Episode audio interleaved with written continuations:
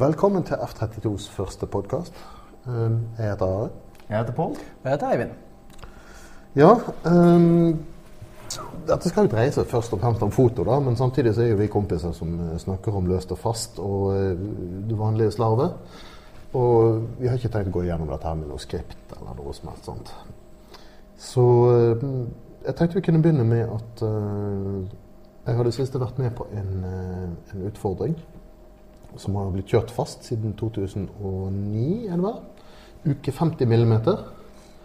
Dessverre var det veldig få som var med denne gangen. Jeg syns det er litt spennende å så bare kunne fotografere én uke med 50 mm objektiv. Som er da det den utfordringen går ut på. Um, dere har vært med tidligere, har ikke dere det? Jo, det stemmer det. Ja. Jeg, jeg syns det, det, gir litt sånn uh, Hva skal jeg kalle det? Litt, jeg føler jeg blir mer kreativ når jeg har en begrensning. Når du har faste rammer å holde deg innafor, så får du litt eh, det, blir litt lettere å spenne hjernecellene i gang heller enn en fri oppgave der du gjør hva du vil. Jeg har det samme nå, hvor jeg har bytta ut uh, 2405-en mm -hmm. til uh, et uh, 40 mm. Ja. Så, vi snakker Cannon her. Vi snakker Canon her, ja. Canon 40 STM. Ja. Jeg det. Det er et gullobjektiv. Det er et fryktelig morsomt objektiv. Jeg syns det er veldig gøy å prøve å utfordre seg selv til å tenke. Altså, gå fra det å kunne ha et veldig så stort spenn, til å kunne ha de der faste den, Dette her er det du har å forholde deg til. Hvis mm. du skal, hvis du skal uh, komme nærmere, så må du faktisk gå nærmere. Ja, ja eller kroppen, da. Mm. Ja. Jo, men altså, altså jeg, jeg syns det å holde seg innafor prøve å unngå kroppe. Du må kanskje justere litt sånn i etterkant med hvordan horisonten ligger, men bare holde seg innafor selve brennvidden mm. er veldig, veldig gøy. Ja, jeg hadde noen ekstra eh, utfordringer i forbindelse med denne her. Det er at Jeg sa til meg sjøl ok, jeg skal kun fotografere svart-hvitt. Jeg er veldig glad i svart-hvitt. Eh, men jeg tar alltid raw, sånn at jeg kan ta farger hvis jeg vil. Men iallfall. Eh, og jeg skal ikke beskjære. Jeg kunne behandle kontrast og lys og skygge og alt mulig sånt, men jeg ville ikke beskjære. Rett og slett fordi at når jeg først lærte å fotografere bak i eh, den mørke middelalderen man brukte film, så var det en greie på en måte. Altså, det, det, det, er rett og slett god trening å, å eh, tenke på den, det formatet og den størrelsen du har i utgangspunktet, og så jobbe innenfor det. I tillegg var jeg også veldig glad i den, svarte kanten du får i mørkerommet hvis du filer ut negativholderen. Sånn at du, eh, du får ekstra, en sånn tynn stripe med lys på alle kanter alle sider av objektivet.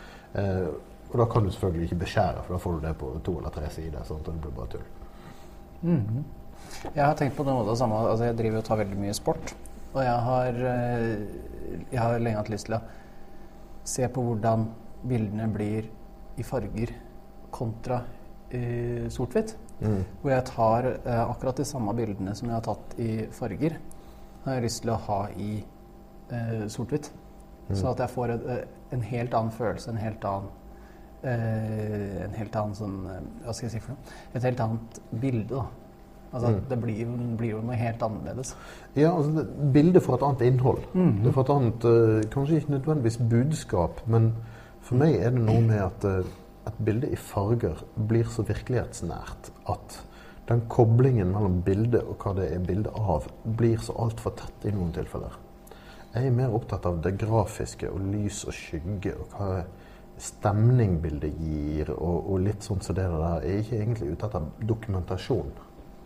Og det, det, jeg syns jeg får en bedre distanse fra motivet hvis jeg fotograferer i svart-hvitt. Eh, ironisk nok så er det ikke alle som føler, føler det sånn. fordi at altså den, den, klassiske gamle dokumentarfotoen var jo selvfølgelig svart-hvitt. Det finnes masse fantastiske bilder i svart-hvitt, men som var laget nettopp for å dokumentere virkeligheten. Men eh, i dagens samfunn så syns jeg det funker sånn. Det er klart at Her er det ingen video. Eh, nei, video. Her er det ingen fasit. Her er det snakk om, om din egen respons på et bilde du ser. Mm. Og 50 mm er jo et eh, godt objektiv fordi det til en viss grad gjengir det øyet ser. Det er ikke noe, noe brennvidde som går enten ut eller inn. Det er ikke noe Så det er en veldig fin, um, fint objektiv å bruke hvis du skal skyte fra hofta eller kaste deg rundt. og Mm. kan komponere bildet på en litt annen måte. da. I tillegg så er jo fordelen også at 50 mm er veldig ofte veldig lett å konstruere for et firma som lager optikk. Og dermed så blir de ganske billig. Eh, Det finnes jo eh, noen eh, unntak, selvsagt.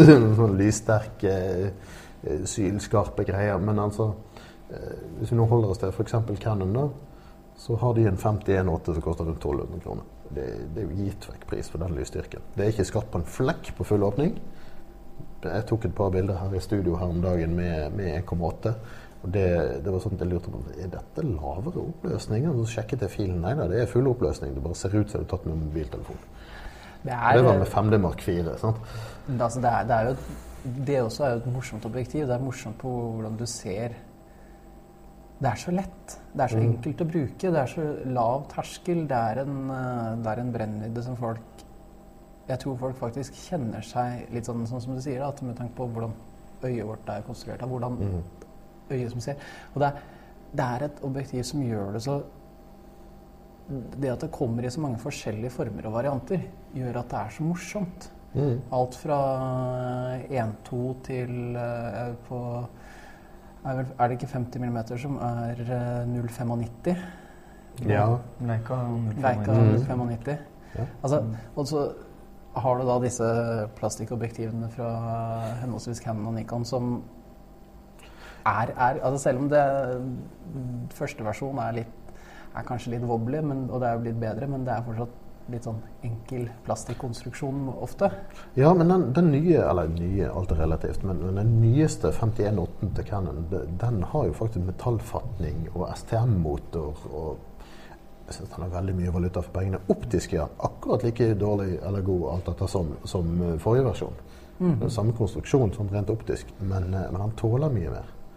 Jeg hadde en elev en gang som mistet forrige versjon i bakken. Det ble et puslespill av dimensjoner. Den mistet de gulvet fra én meter, og det var sånn eksploderte. Den konstruksjonen der er jo fra 1987 eller noe sånt. Ja. Så den er jo såpass gammel at det var på tide med en oppgradering.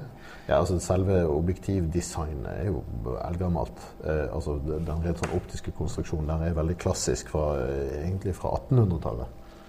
Men, eh, men eh, det er jo derfor, nettopp derfor det er så enkelt å konstruere og så billig å gjøre nå. Og så er den liten. Altså 1.8. Den er jo den er jo ikke stor. Det er jo en sånn fin en som du kan ha med deg eh, Har du et lite kamera, så kan du nesten ha den i lomma. ja. Sett at du har litt store lommer. Ja. Men skal du over på For å holde, fortsatt holde oss i cam-verden, skal du holde over på eh, 5012L, Mhm. så er, det noe, er jo det en beist igjen. Ja. Jeg, jeg har Sigma sin 51.4, som er et fantastisk objektiv. Det er så skarpt at du blør fra øyeepler, som en eh, kompis av meg sier. Eh, men det er jo ikke lite og lett, akkurat. Det Det er Nei, det er jo det. bygget som en østtysk kulestøter. Ja, ja. Uh, det, men du betaler, når, når du skal på 1.4 og 1.2, så betaler du litt for å få det Du ville nok ikke betalt det samme for å få det i den plastkonstruksjonen som uh, Du hadde ikke forventa det samme. Sant nok. Men, men husker du eh, eh, Nikon sin, eh, sin gamle 51.4D, AFD-versjonen? Eh, Den var ikke mye større enn eh, Canon sin nåværende 51.8. Altså. Nei, han var veldig liten. Ja, Han var ikke særlig skarp heller, men, men jeg savner den gangen det, det der var størrelsen på, eh, på fastoptikeren. Altså. Men det hadde jo en 35-2 og en 24-2-8 som var akkurat samme størrelse, sånn cirka. Jeg savner det at jeg fikk plass til liksom en fem-seks fastobjektiver og et kamera i bagen. Gjør det nå, det ble jo innlagt med ryggproblemer. ikke sant? Men når jeg snakker om rare 50 mm, så en liten digresjon der er jo Stanley Kubrick. Han, eh, han kjøpte jo tre 50 mm som eh, NASA hadde konstruert for å ta bilde av sorte hull i verdensrommet. Og de fikk han modifisert. De hadde jo største blender på 0,7 eller noe sånt. Mm. Helt vanvittig. Så godt å ta bilder av sorte hull tror jeg ikke selv NASA er i stand til riktig enda, men, Nei, men eh, de, de prøvde vel. Og de, de tre de modifiserte han til, eh, til filmkameraer og brukte på Barry Linden. Som mm. stort sett er fotografert innendørs med naturlig lys. Ja. Eh, og spesielt noen scener der med, med stearinlys Ja. som, eh, som eneste lyskilde. Jeg syns sånt er, er kjempekult. Jeg er ikke noe glad i blits. Jeg liker best lys sånn som det er. Og så kan du heller oppsøke lys. Altså Hvis du fotograferer en modell, så finn et stort vindu. Finn et eller annet eh, smug der det kommer noe lys fra oven. Så, så jeg er alltid eh, konstant på utkikk etter sånne steder å fotografere. Og så kan jeg heller ta med meg motivet dit, eller prøve motivet der det faktisk er. Så det er jo litt ironisk nå at vi sitter i et studio som jeg betaler for å være med i. Men eh, Med en ekstern lyskilde. eh, Ja, sant. Men det er jo gøy, det òg. Det er, altså når det, igjen da, som jeg kom tilbake til dette- med sportsfoto, for det er gøy det du snakker om med, med, med lyskilder. Et problem ved å ta spesielt utendørs fotballbilder på stor stadion midt på sommeren, Mm. det er det at du har veldig skarp sol, og så har du en høy stadionvegg som skaper en ekstrem skygge midt på banen. Ja. Da har du halvparten av eh, banen som er dekket i sol, og så har du plutselig massevis av skygge. Mm. Det er eh, Det er jo ikke noe problem hvis du tar et bilde som er hele inne i ene eller andre sonen. Men hvis du tar noe som er akkurat på kanten, så, så får du vanskelige forhold, og du risikerer òg at uansett om du gjør alt riktig, så får du ikke et bra bilde av det. Nei, altså Eksponeringa kan fort være helt på tur, og da er det jo flaks at man kan justere såpass mye som man kan. I, selv om til og med altså Jeg tar jo i JPEG faktisk når jeg driver og fotograferer sport for å få det fort nok. Eh, og kan man, kan man heldigvis hente ut ganske mye av en JPEG-fyr. Mm. Men det å ha det helt lyse her, og så er det flytter spilleren seg dit hvor det er kjempesort, Mm. det blir vanskelig. Men hvordan løser du det rent teknisk da? Altså er det auto-ISO? Eh, jeg kjører auto-ISO, og så har jeg eh, Det kommer litt an på. Eh, jeg pleier som oftest å være rask på, på eksponeringa. Mm. Altså at jeg klarer Jeg, jeg, tar, jeg tar, tar, man tar det manuelt, og så ruller jeg. Ja. Og da Hvis du har litt gut feeling, sant, så bare ruller du i vei, og så Ja.